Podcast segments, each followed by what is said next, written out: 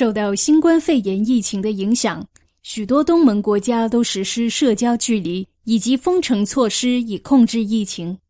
实体店暂停营业，消费需求下降，令传统零售业蒙受很大压力，却促使东盟各国加快数字化转型。零售商也纷纷加强发展网上销售渠道。目前，东盟有超过五分之三的人使用互联网。自从疫情爆发以来，他们花在网上的时间也越来越长。东盟消费者每天的上网时间平均都增加了一小时，其中菲律宾的消费者每天上网超过五小时，在东盟内属最长。电子商务的使用量同样快速增长，其中以印尼的增幅最大，使用量比疫情前增长超过一倍。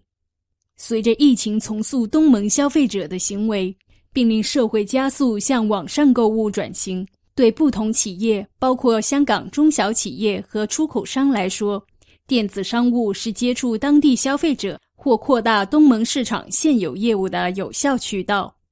企业要进入电子商务市场，可以选择在网上交易平台销售，或自行开发网站。两者之中，网上交易平台对电商新手及小商家来说是个很好的起步点。卖家在网上交易平台建立店面相当方便，并可享受支付处理、营销、广告宣传、仓储配送等电商服务，比起自行物色并安排这些服务省时多。此外，东盟各地语言众多，包括泰语、越南语和印尼语等官方语言。网上交易平台提供的翻译服务对接触东盟消费者非常有用。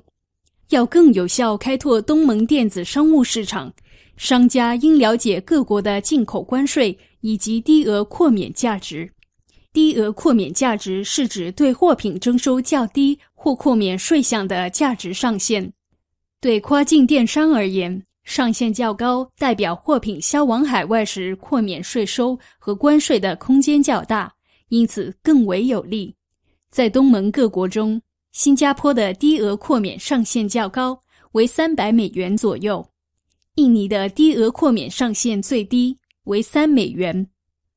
东盟消费者也是活跃的社交媒体用户，他们除了在社交媒体阅览新闻内容或娱乐信息。还会透过社交媒体了解品牌和产品信息，作为日后购物的参考。社交媒体无疑是企业与东盟消费者接触交流的上佳渠道，也是有效的营销和顾客服务工具。